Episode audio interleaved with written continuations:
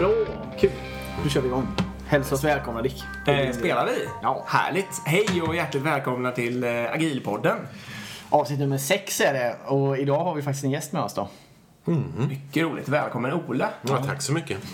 Introducera dig själv Ola, vem är du? Ja, jo, nej, jag är en eh, man från Göteborg. Jag är systemutvecklare i botten, men kom ganska snabbt in på det här med eh, projektledning och hur, alltså, problemet är ju inte att förstå Alltså att få datorn att fatta vad vi vill. Problemet är ju liksom att vi människor ska förstå varandra och där eh, kom jag in på projektledning och ramlade 2006 på agila metoder.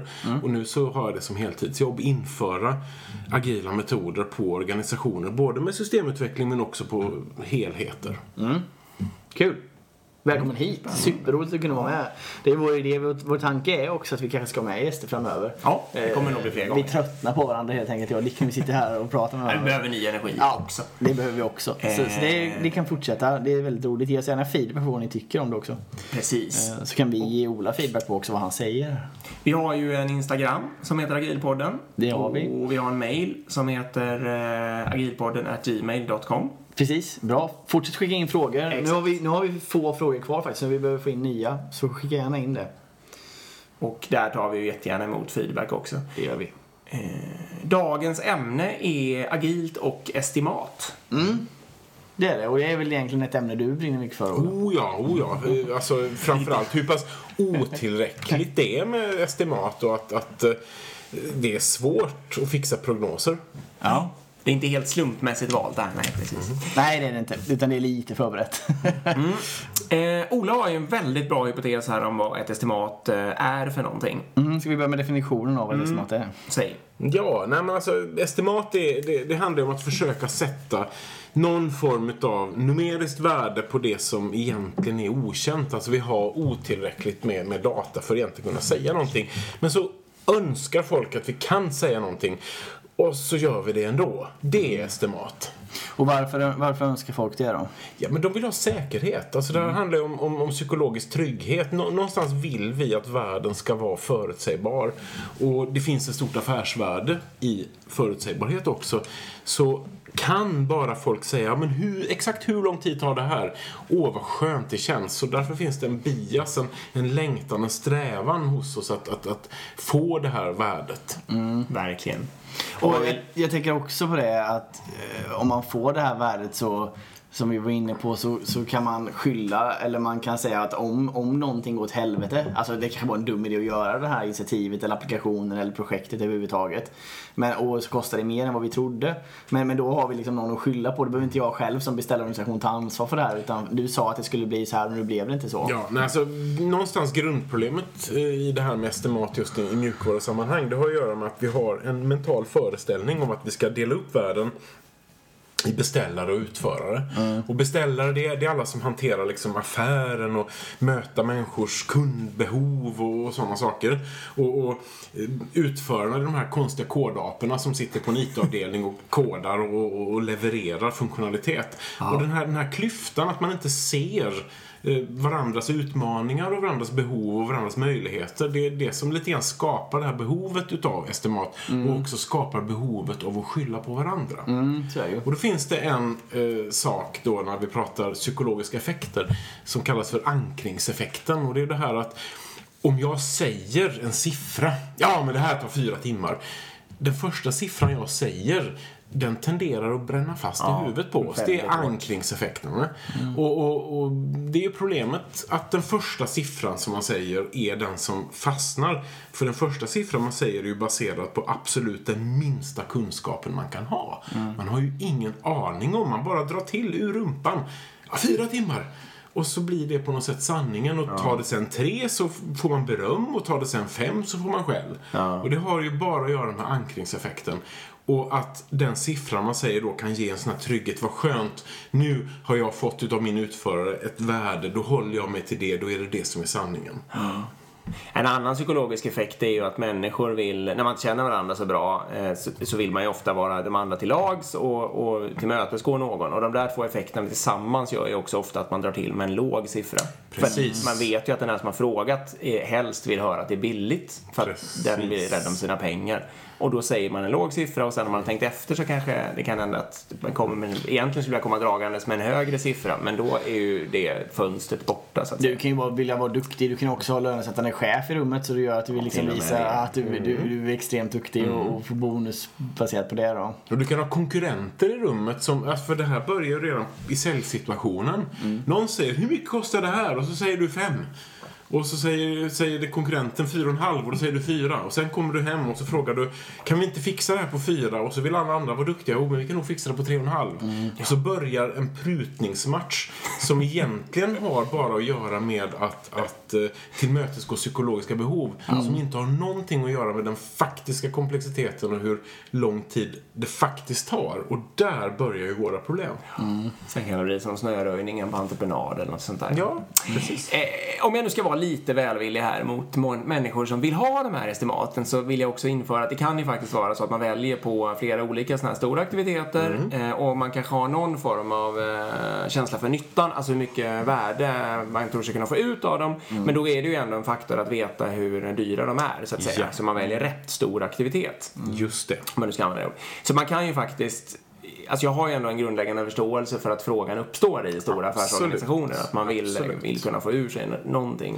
Då. Och, eh, jag tror inte det vi har försökt att säga heller att det är absolut fel. Det är bara Nej. att vi försöker säga att det finns en risk Ja. och det finns, en, som du var inne på också, en varians i, i vad ett estimat är. Liksom. Ja, nej men de här anledningarna lever ju bredvid varandra. Alltså den psykologiska, den här säkerhetskänslan och, och den och även den här vem ska äga risken och det här med att skjuta risken till utförarorganisationen och alltihopa. Det, alla de sakerna lever ju bredvid det här lite mera kanske äkta behovet av att faktiskt kunna fatta rätt affärsbeslut. Just det. Eh, Det, det håller jag ju fullständigt med om.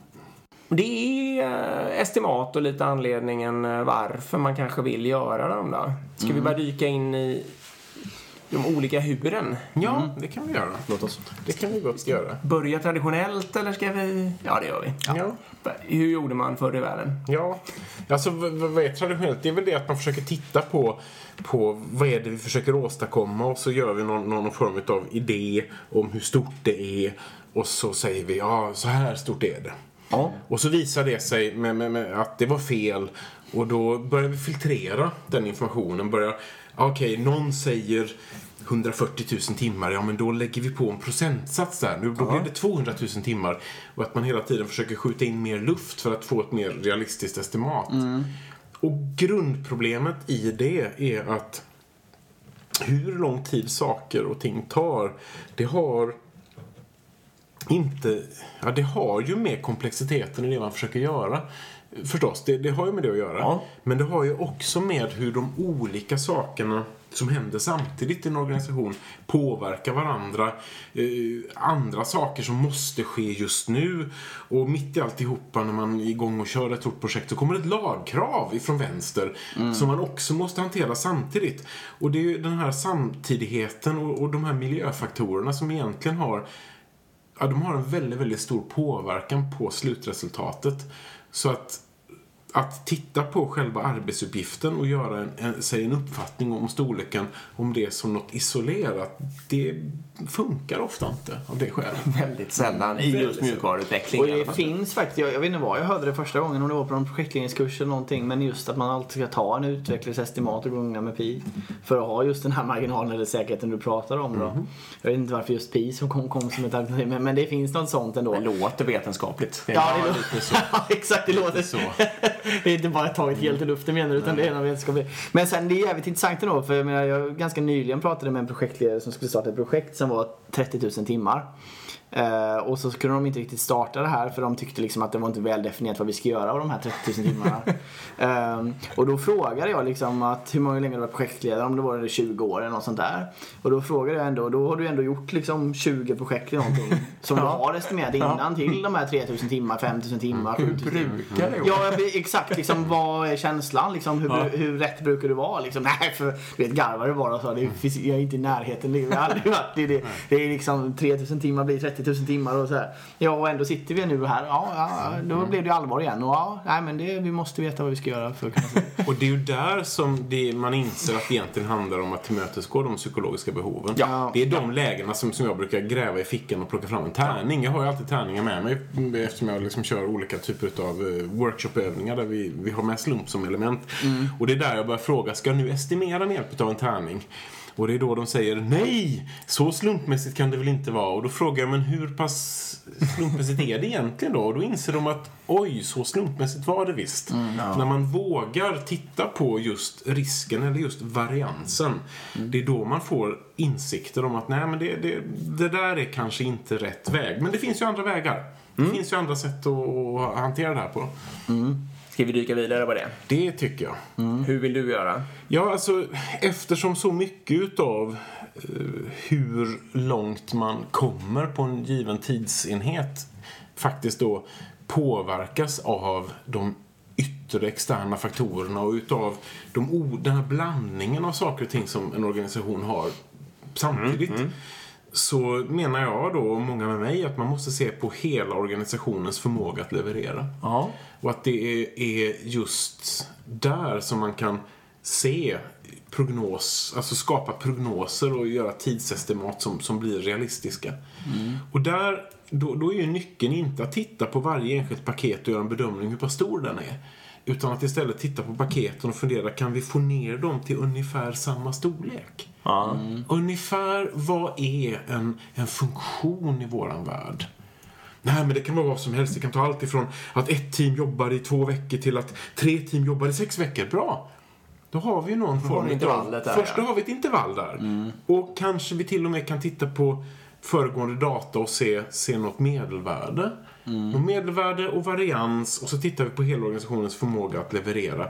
Då är sannolikheten är väldigt stor att, att utflödet ur vår organisation nästa kvartal kommer att likna utflödet föregående kvartal. Ja. Om inte saker och ting Ja, dramatiskt ändras. Det kan ju ha väldigt utökning av organisation och sådär, Det kan men- vara sådana men- saker, men då, då kan man kanske eventuellt höfta det. Men, men alltså, det, det troliga är att, att vi inte förändrar oss från tid till annan. Alltså, Utan att förändringarna i utflödeshastighet är, är långsammare än vad vi vanligtvis tänker oss.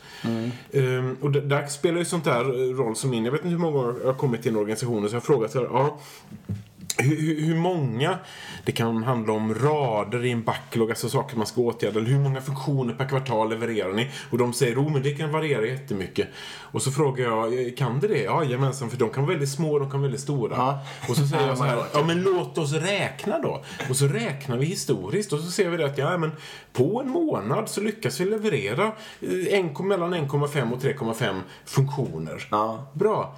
Och tänker de bara konstigt, varför är variansen så liten? Jo, så länge som blandningen mellan väldigt små och stora saker är densamma Mm, Så får du ett bra så mer. kommer ju medelvärdet också bli densamma. Och där ramlar någon polett in och, och där kan man börja skapa prognoser.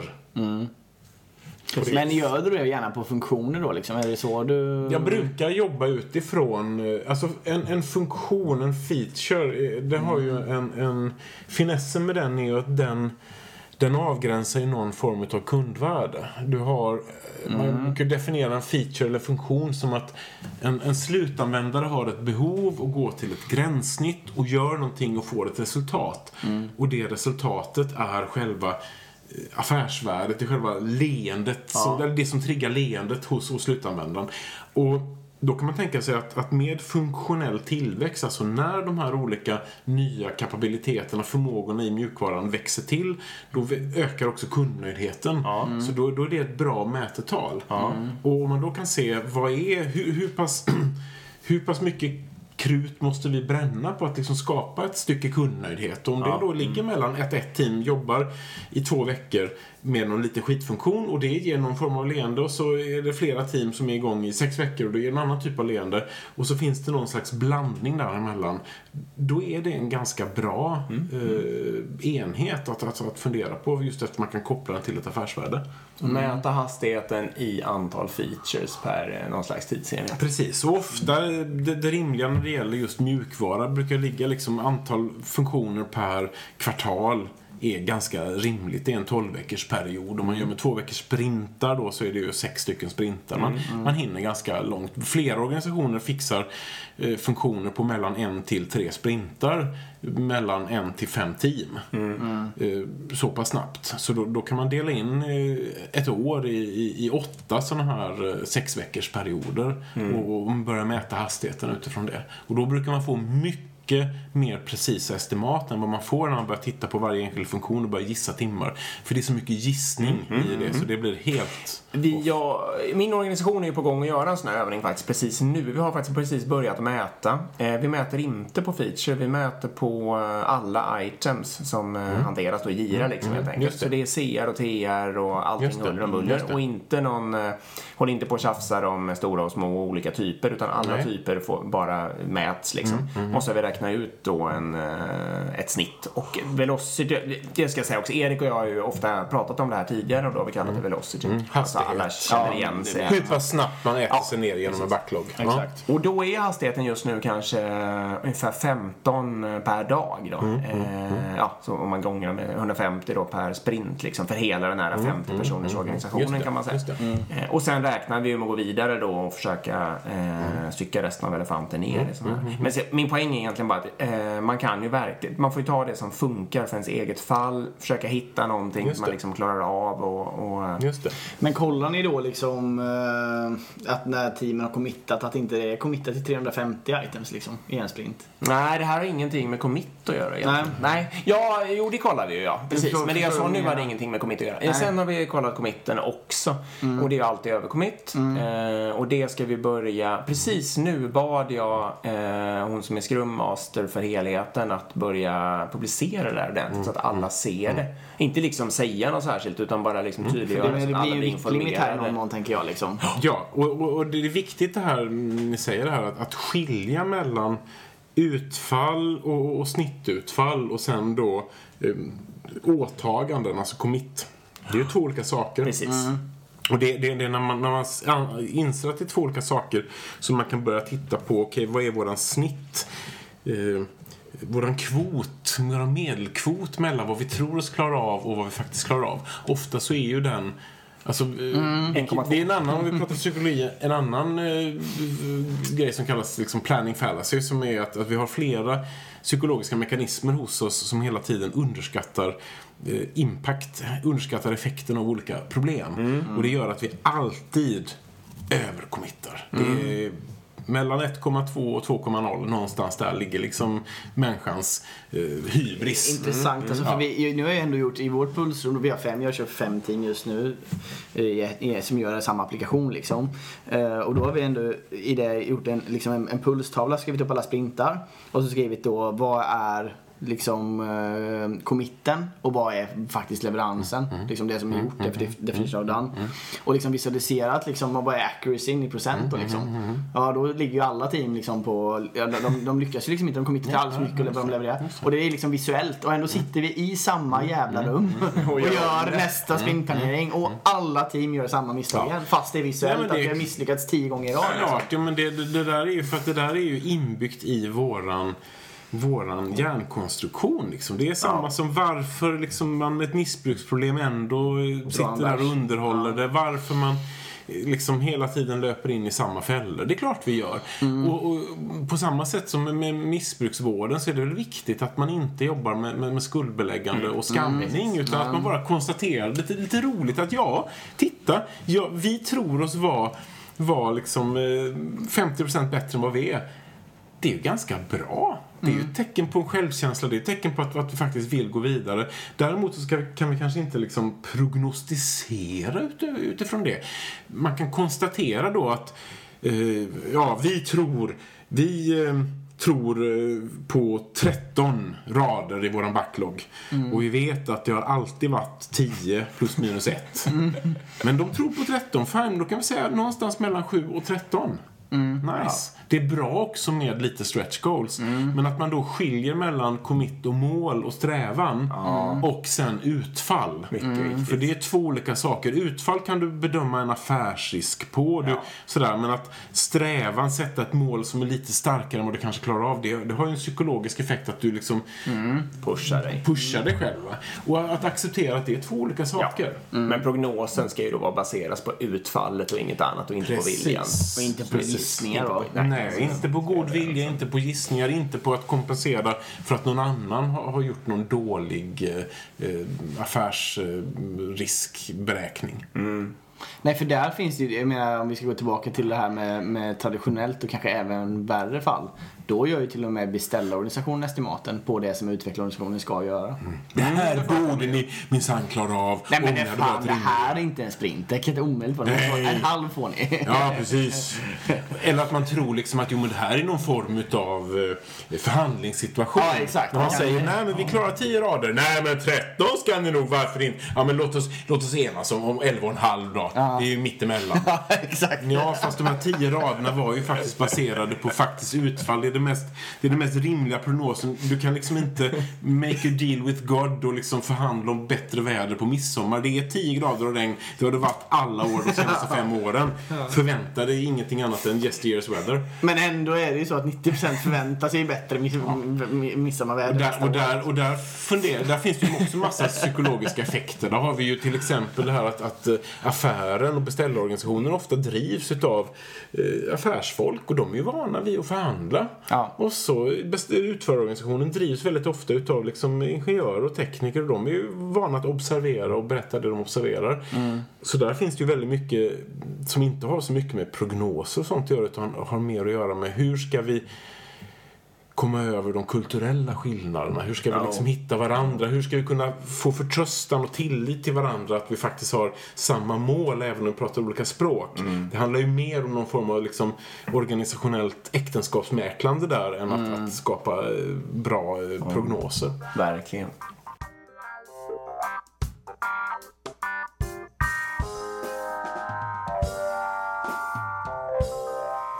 Hur gör jag då om min verksamhet kommer till mig och säger här nu att nu vill jag ha estimat på det som ligger i backloggen? Mm.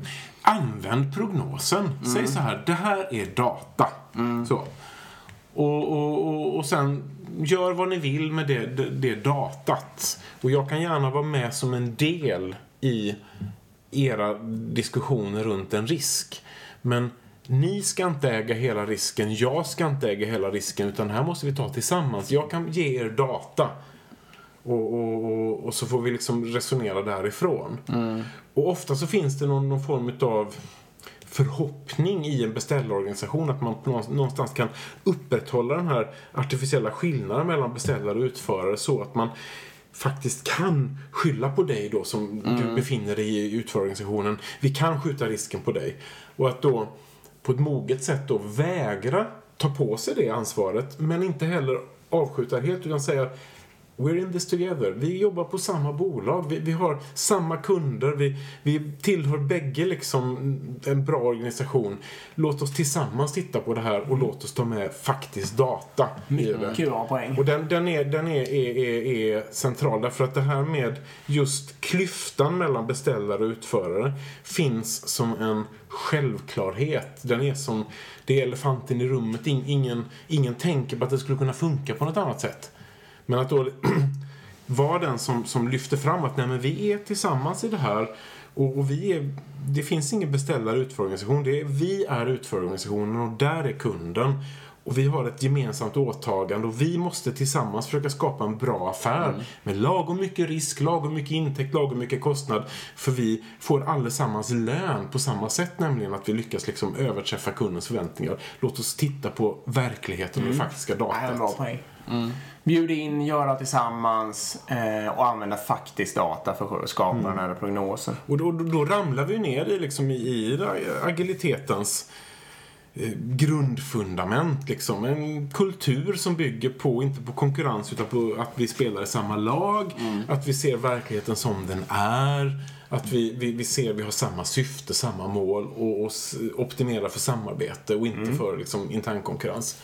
Och då, då, det är det som att oavsett vilket ämne man diskuterar så ramlar man någonstans ner i de två, eller de liksom, eh, grundfaktorerna trots allt. Det här är ju otroligt Vi var svårt. inne på sådana här frågor. Vi har varit inne på och touchat också. på det också. Precis den här muren mellan Precis. verksamhet Kasta och, saker över muren. Och just det här att man vill, man vill ta bort risken och ta bort risken det är att skylla på någon annan snarare än att facea den ihop. Det är väldigt vanligt. Precis. Otroligt svårt att göra någonting åt också. Jag, var lite, jag kom på en egen ny favoritliknelse här om man eh, till exempel ska springa en mil. Eh, ja, midsommarvädret skulle ju nämligen många människor fortfarande eh, önska sig ett bättre väder och hålla på liksom. Men om man tänker sig att man ska springa en mil eller be någon springa den så fort som möjligt. Och man berättar att ja, men jag har sprungit den här på 52 minuter och 51 minuter och ja, vad det nu kan vara så att säga. Då skulle ju faktiskt ingen eh, beställare, de flesta beställare skulle inte helt plötsligt då be om Säga 35 minuter. Nej, exakt. nej, För då skulle folk ändå förstå att det, det, jag, det, är det. jag är dum på riktigt Ja. om jag går ifrån. Precis. Och Måste liksom... Det är ju inte möjligt. Fram- Liksom. nej, Då- det- då är det Hundra utfall har aldrig skett. Varför skulle Nej, det ske precis. Varför skulle det hända? Jo, men kan det inte? Ja, jag visste liksom. eh, Men, men då kan man spinna vidare på den, den liknelsen. Att man säger till beställaren att ja, hörru du, nu har vi diskuterat min förmåga att springa en mil, men jag har ett förslag. Vad sägs om vi kör en stafett? Om vi kör ett lagarbete? Vad säger om vi liksom, om vi omdefinierar hela idén om vad det innebär. Och liksom, det handlar inte om att springa en mil, det handlar om att få den här pinnen att röra sig så snabbt som möjligt ut med en mil. Hur kan vi genom samarbete och på olika sätt omdefiniera vad vi gör och där kommer vi in på den riktigt revolutionerande kraften i agila metoder. Håller fullständigt med dig. Eh, ska, vi, ska vi gå in lite mer på huret, alltså det här eh, small, medium, large och de här grejerna till exempel? kan vi göra. Eh, vill du ha ord Ja. eller? Jag vill plocka den. Ja, alltså small, medium, large. det- Jag sa ju förut här att det, det är ju väldigt mycket utav mer utav blandningen mellan olika aktiviteter eller olika leveranspaket som, som, som påverkar hastigheten. Men naturligtvis så finns det ju också en påverkan i om någonting är svårt eller någonting är lätt att göra. Så, så att det finns ju idéer att betrakta eh, olika sorters arbetspaket utifrån dess relativa komplexitet eller hur, hur pass stora de är helt enkelt. Då. Och även om vi inte kan säga på timmen när för det är ju liksom att det är ju extremt precis granularitet. Kunna säga på timmen är hur stort är det här paketet. Men åtminstone liksom kunna säga att ja men här har vi nå- någonting med fyra halvknepiga funktioner. En väldigt lätt och en, och en väldigt, väldigt krånglig och två någonstans mittemellan. Fyra halvknepiga funktioner. Vi borde ha någon idé om hur många sådana funktioner, eller sådana paket vi kan leverera på, på ett år. Ja. Hur många stora, hur många små, hur många mittemellan och så förstå att, att det, det, det kan finnas en idé där. Och då, då är det viktigt att förstå att eh, det är mer mönstret vår organisation klarar av att leverera tre stora, två medium och, och fyra små på ett år. Eller så funkar eh, fyra stora eller så funkar tolv små. Alltså man har olika mönster som man då eh, jobbar inom. Man kan inte, det, eftersom det här handlar om varianser Ja. så kan man, man kan ju inte addera ihop varianser. Man kan inte säga två små är alltid en stor. Utan det är liksom att eh, någonstans mellan två och tre små kan vara en stor. Det är mer på det hållet. då. Det är väl fördelen också med att säga small, medium, large istället för att säga 10, 15, 20. Det är att i small så finns det ju en varians. Det är en inbyggd varians. Det är ju en, en, en, ett intervall liksom. Innan det blir tillräckligt stort för att bli ett medium och då är det ett nytt intervall i medium. Precis. De, de, de som försöker sig på att kvantifiera vad är en liten, vad är en stor, kanske inte i timmar men i någon form av arbiträra storlekspoäng. Där kan man ju luras och tro att, att om man säger storlekspoäng 8 då är det lika med exakt fyra stycken storlekspoäng 2. Exakt. Men det kan vara någonstans mellan 3 och 5 storlekspoäng 2. För det finns en varians. Jag- Jag vill testa en hypotes på er här nu. För jag är nämligen sugen här i, i mitt stora eh, projekt. Att vi, vi har ju börjat få eh, mäta upp vår velocity. Eh, sen vet vi på intervall då i och för sig, men dock. Eh, och sen är jag alltså sugen på att i, på någon slags small, medium, large eh, maner, bedöma resten av alla de här aktiviteterna i den här förhållandevis stora elefanten. Vi pratar om ett eller flera år eller i alla fall ett halvår till eller något sånt där. Beror på. Eh, och sen är jag helt enkelt sugen på att titta på historiska data på hur många items i den här item-hypotesen då på hastigheten som jag har. Eh, de, de gamla small, medium, large har varit. Mm. Sen har det eller raskigt. Är det en... eh, är det dumt eller är det smart? Nej, men det, det, det kan nog vara bra som ett ingångsvärde, tänker jag. Problemet du har är ju att, att förmågan att dela upp den stora elefanten i, i, i olika skivor den förmågan, alltså själva liksom styckningsförmågan, Ja. den förvandlas ju och förfinas under resans gång. Eh, Så att troligen så kan du inte från dag ett göra det här på ett bra sätt. Men om du gör det på ett sätt och sen så försöker du hålla i det en månad, två månader. Då borde du konvergera ganska snabbt mot någon form av elefantskivstorlek som, som passar er. Vi har ju kört också i många år. Det finns ju mycket historiskt eh, data. Vi har ju inte bra. jobbat med small, medium, large. Vi, men däremot items går ju att kolla. Det går ju liksom att kolla bakåt hur stor, hur, vad saker faktiskt tog för hur många Just det. items de blev och sådana där saker. Men storleken där, att den minskade variansen beror ju på den process ni använder för nedbrytningen. Alltså det som vi kallar för förfining. Ja.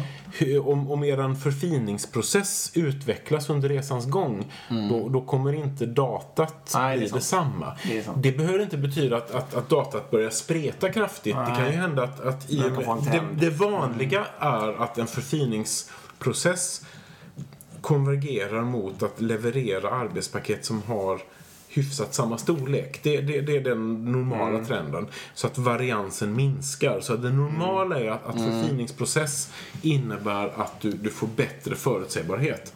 Det behöver inte vara så. Det kan vara så att, att förfiningsprocessen tar en annan riktning och man börjar dela in saker på ett annat sätt. Det, det kan vara sådana saker. Men det normala är att, att du konvergerar mot en... Det här är vad vår organisation tycker är lagom elefantstorlekar. Därför att de här skivorna är vad vi är vana att hantera. Mm. Mm. Just det, men då säger du egentligen att jag gör övningen, gör den enkelt och var beredd på att göra om den. Ja, precis. Och vad också, du måste ju notera att small kan ju bli large. Ja, Alltså det, ja, förstås. det, den måste man ju hela tiden, så, så man får inte lura in sig helt. Nej. Men Och du- gissar man lika mycket fel åt bägge de hållen, Ja. men det, kommer man, det är ju svårt mänskligt då att göra det, men då skulle det ju funka. Ja. Nej, men jag förstår. Ja, och även om man inte... li- Du behöver inte gissa lika mycket fel åt bägge hållen så länge du gissar fel med någon slags eh, standardiserad bias. Så länge din bias är ungefär lika fel varje gång så kommer du konvergera.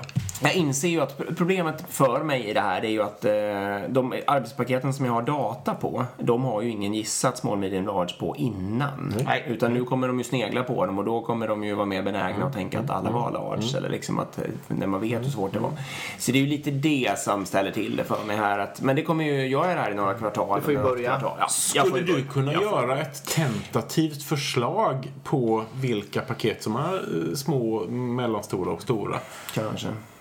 För om, om, om du kan göra det på ett antal typ, alltså klassificera ett antal typärenden så har du någon form av ja, utgångspunkt åtminstone. Lite Skulle samma du- teknik som playing poker fast på, på mycket större nivå. Ja, du skulle kunna rent fysiskt på väggen sätta upp också ett paket, liksom small, medium, large och sen då ta gamla grejer och så Precis, att man flytta till Det här det det. svårare. Ja, Nej, exakt. det är Det blir sant. en jämförelse. Det är bra. Det är ju väldigt bra faktiskt. Att sätta upp en stor, eh, en, en, ett elefantben liksom, eller Ja, något sånt. snabel, eh, på väggen med någon slags beskrivning och folk kommer komma ihåg ungefär vad det var. Precis, och så, ska, och så placera ut. Och, då, och så står det då tydligt hur många För jag menar, det du är ute efter i slutändan här, det är att din beställarorganisation vill ha ett datum då skiten är klart. Ja, och det, för det, och det är ju för att kunna dra ur sladden på ett annat gammalt system. Ja, och, det finns ju och, lite bra men, men det bästa, du ska ju aldrig komma tillbaka med, äh, nu det här är vad jag tycker i alla fall, du ska aldrig komma tillbaka med det datumet, du ska komma tillbaka med verktygen så de själva kan förstå datumet. Mm, ja, nu har jag ju, särskilt nu när jag lyssnade på Ola här, har jag verkligen tagit till mig det. Att nu, jag måste ju verkligen ta det med handen och säga att jag vet inte, men jag kan erbjuda att Mm. hjälpa er med det här. Precis, men, men det är ju som du sa, du måste ge dem datan, du kan inte Ja. ge dem resultatet. Nej. Nej, Och det- man måste det- komma det- överens om det tillsammans. Exakt, och det tror jag är en jävligt viktig poäng som, måste, som måste betonas här. Jag har redan bytt Och jag tror du kanske övertygar, jag, nu tar jag på alla andra. Nej, men jag hade, jag hade faktiskt inte räknat ut ett datum själv fram tills för eh, fem minuter sedan. Okej, bra. Nej, men för det, för, för, My mission here is done. Jag kan faktiskt inte göra det. Bra, då slutar vi där. Nej, men för det som är tjusningen i det också, det är ju att eh, om, om, om, eh, om inte du levererar ett datum utan istället visar transparens i det här är den datan jag har, det är det här jag utgår ifrån, låt oss tillsammans komma, eller då till och med de komma, eh, för då, då kommer du också få en commit tillsammans göra att och nu är det vår plan liksom. Och då kommer det inte bli den här... Eh, Nej, ni kommer bära affärsrisken ihop. Exakt. Det kommer inte bli någon moralisk stress som ni känner för att bolla mellan er. Ni kan istället på ett mer produktivt sätt eh, ägna er åt att okej, hur ska vi tillsammans skapa värde? Och det, är en, det är en stor vinst. Mm, det är det ju Att verkligen. kasta skuld det är waste i lean-termer. Det är så himla lätt att fastna i den här, eh, ta på sig det här fiktiva ansvaret eller den där fiktiva skulden eh, och bära den där risken. Alltså fastna i den retoriken. Man ska ju verkligen tokvägra det. Vad som än händer så är det ju tillsammans Men jag, kan ju ärligt säga att 60-70% av min arbetstid lägger jag ju på att hantera massor med sådana konflikter just som uppstår av att vi är två olika läger. Jag menar, det, det, jag lägger inte absolut mest av min arbetstid på att, eh, på att skapa effektivare flöden eller addera värden. Nej. Nej.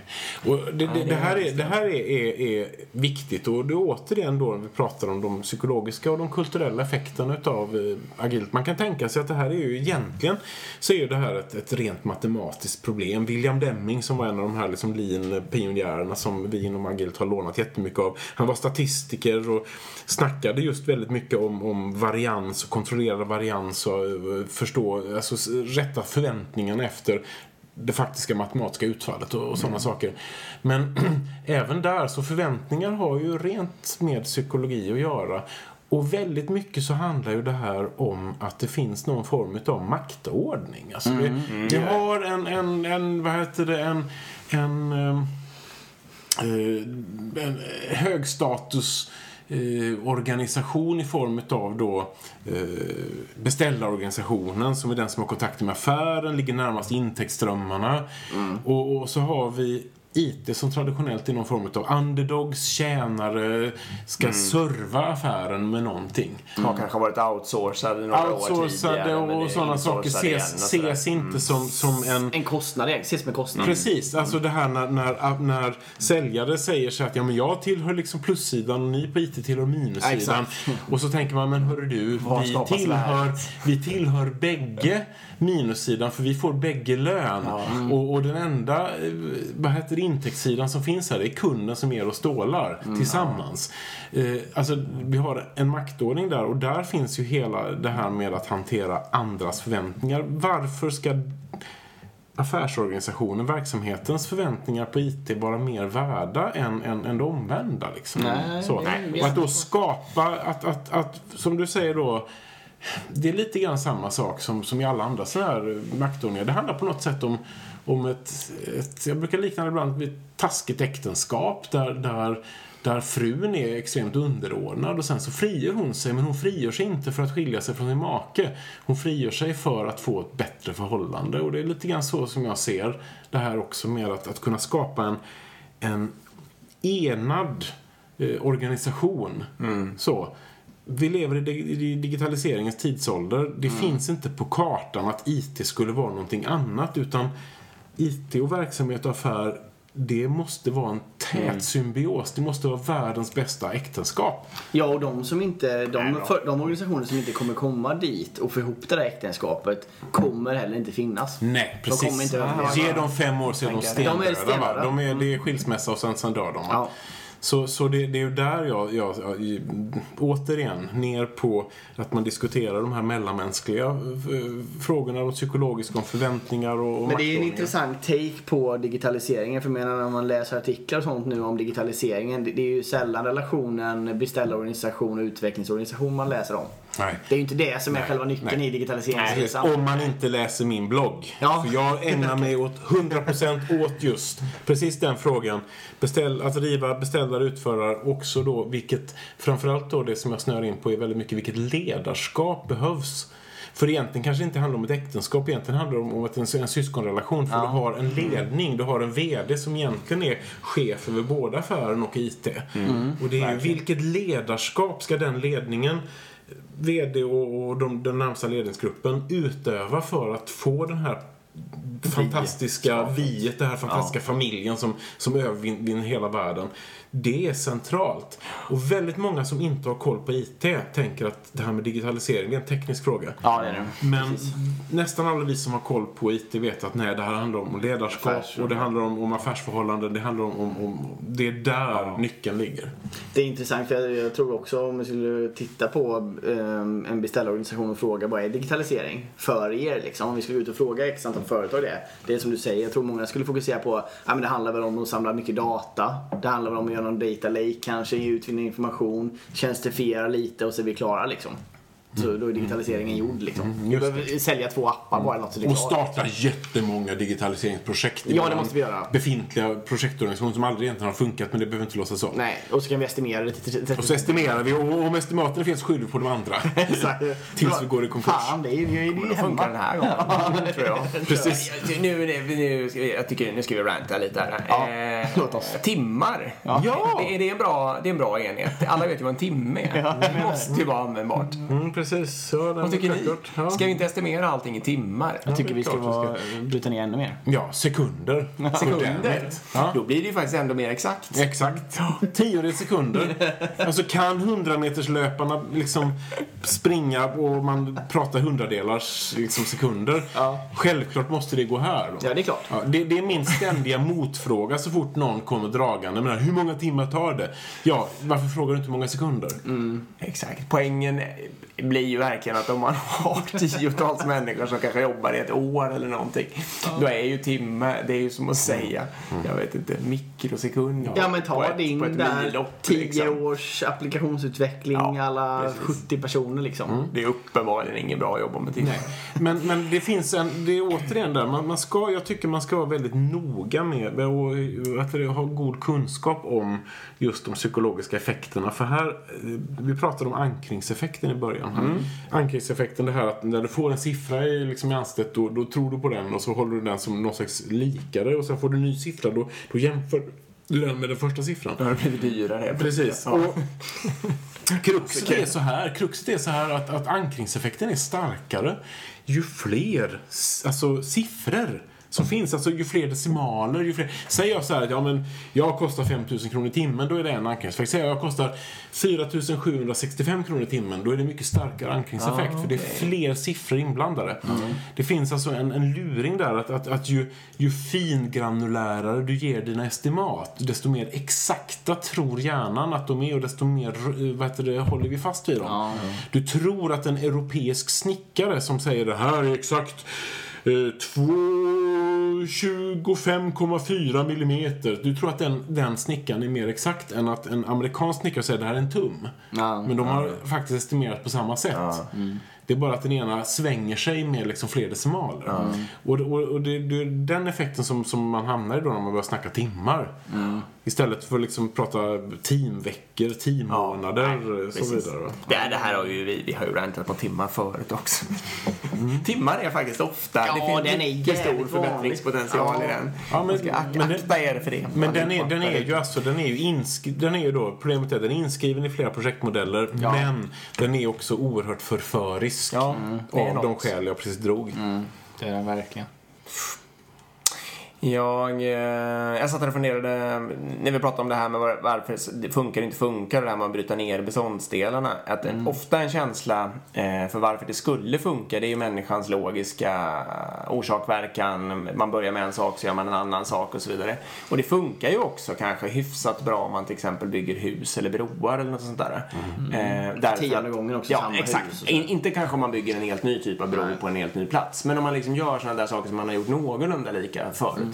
Eh, och så satt jag och funderade. Och det var också någonting som Ola nämnde här förut. Att det är ju, när det funkar är ju när, man, när variansen är låg och när de här händelserna kanske inte är så beroende. Ja, just det. Det är ju hög varians och beroende händelser. Som, och då blir det ju, det, det kan bli precis vad det. som helst. Då det får ju du en hög komplexitet. Exakt. Och då blir det mer systemutveckling än att bygga hus kanske. Ja, precis. Eller bygga något jättekonstigt hus eller något sånt där, någon annan enstyckstillverkning av någon rymdraket eller något sånt där som man liksom inte har någon vana vid. Då blir det ju säkert precis samma problem. Och det är viktigt att förstå det, för det är ju en sån här sak som man, man kanske ofta, eller jag känner att jag får bemöta det ibland. Varför går det inte att, att bryta ner och uppskatta det här liksom? Och då tänker folk ofta att det är som broar och hus. Men eh, samtidigt, jag tittar på att köpa eh, ett eh, radhus nu som är liksom eh, radhus nummer 50 som är i ett nybygge. Och då finns det en projektplan liksom som är ett Gantt-schema som bara frupp, och det finns ju liksom ingen så.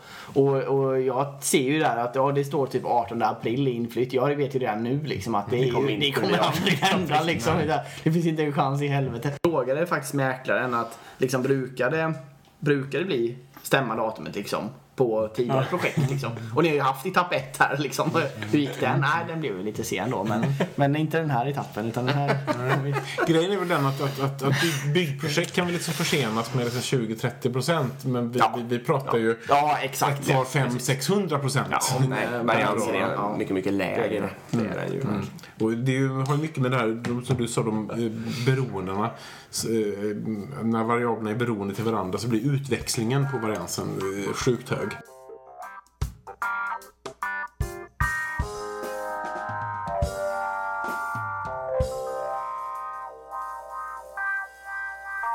Bra, ska vi gå på dagens fråga? Ja, det- precis. Vi kommer inte... Ja, absolut. Känner ni Ja, klara precis, dagens är vi ämne? klara Då med dagens fråga. Otroligt roligt ämne och jättekul att ha det här också. Kul att få lite nya, eh, nya vinklingar. Ja, jag har ju redan fått mig tankeställare. Jag, alltså jag brukar få Ja, du kommer verkligen- Ja, jag ja. kommer verkligen ändra mitt Ja. beteende. här. Superbra. Här är frågan. Fallgropar. Vad ska man undvika i ett agilt systemutvecklingsprojekt? Vilka är de viktigaste big no-no? Ja, just det.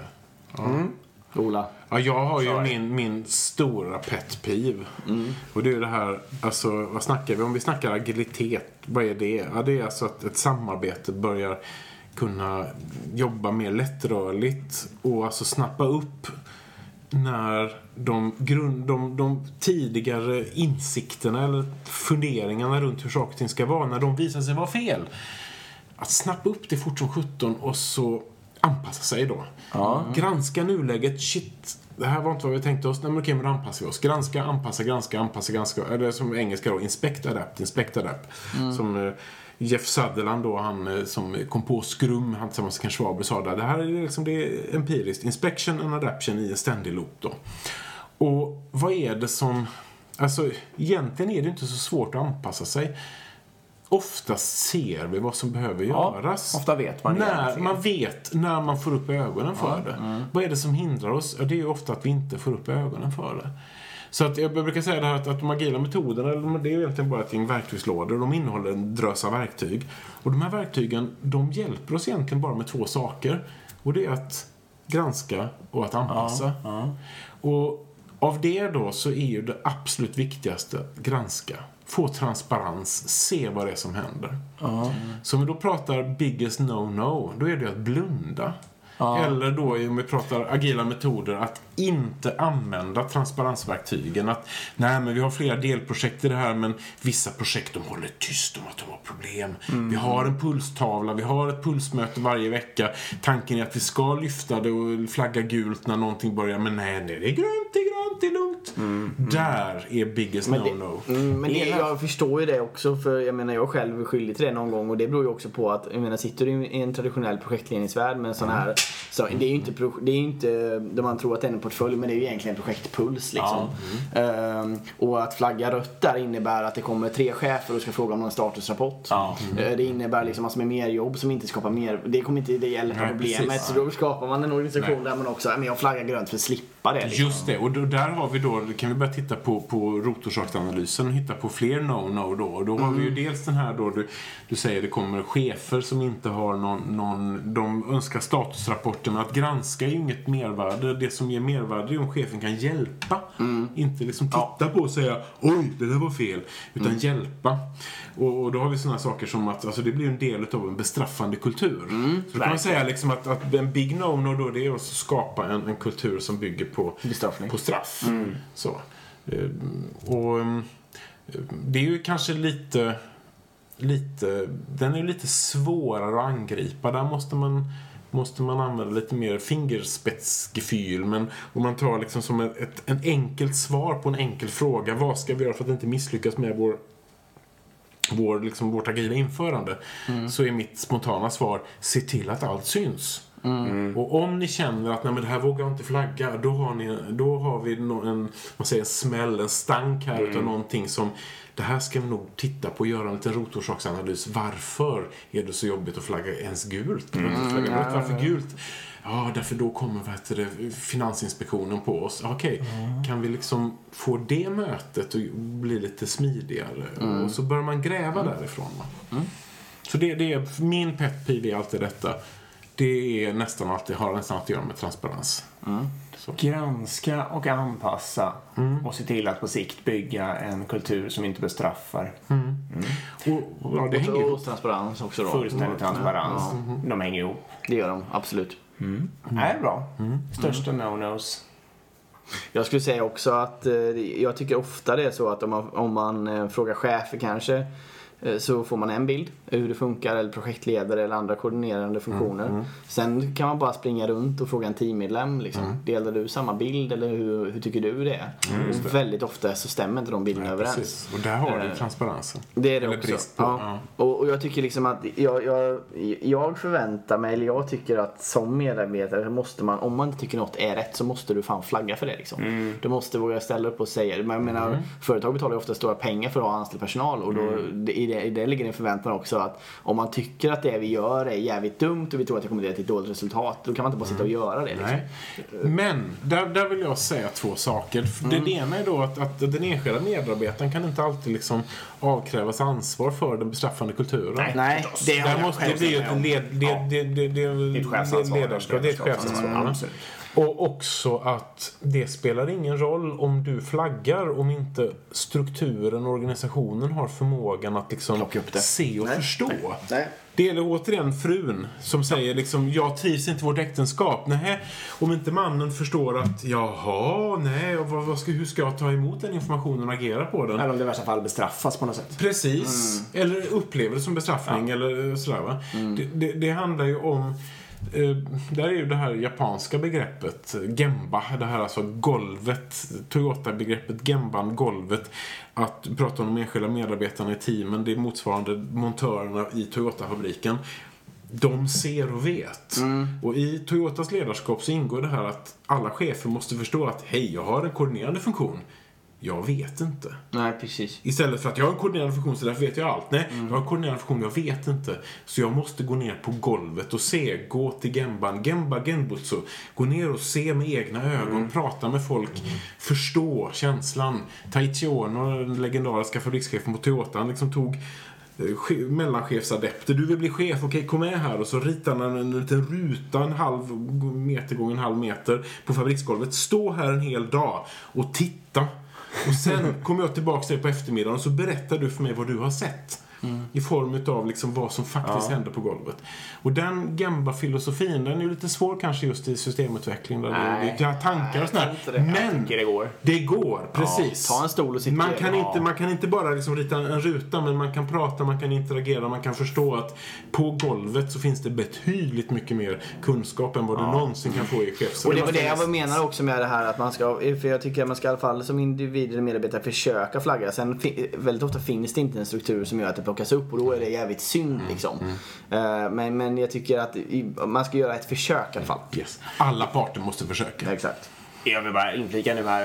Eh, I den här stora aktiviteten som jag har berört några gånger här nu så eh, är det ju utmaningar. Och jag har just exakt eh, plan att göra det som du säger. Jag har inte lyckats än i och för sig. Men jag har bett dem att sitta och testa i en sprint eller en halv Just det. sprint. Det är bra. I ganska mycket ödmjukhet för att jag vill heller inte förstöra Alltså så jag blir något oändligt handledningsfall. Ja, man kan säga. flytta runt på olika individer också. Men, för men, men försöka att smyga mig in på något rimligt sätt. Skapa någon form av eh, mervärde i form av testning. Men med egna ögon liksom få uppleva hur det känns att sitta där. och det borde du göra. Dina, du har ju massor med mellanchefer och sånt under också. Få ner dem på samma nivå. Jag tänker väl lite att om jag gör det här så kanske... Yes, det är helt bra. Det är helt rätt. Var med, var med på, på, på natten innan en driftsättning, när den ligger lite efter i, i testarna. Var med, serva dem med vad heter det, kaffe, massera dem i axlarna Det gjorde vi ju där på natten. mycket i, I- när vi jobbade jobbar. tillsammans, Erik och jag. Och Erik gör säkert fortfarande det. Men det körde jag ju mycket där på de Jag har produktionssättningarna. aldrig köpt så mycket och- pizza i mitt liv som jag.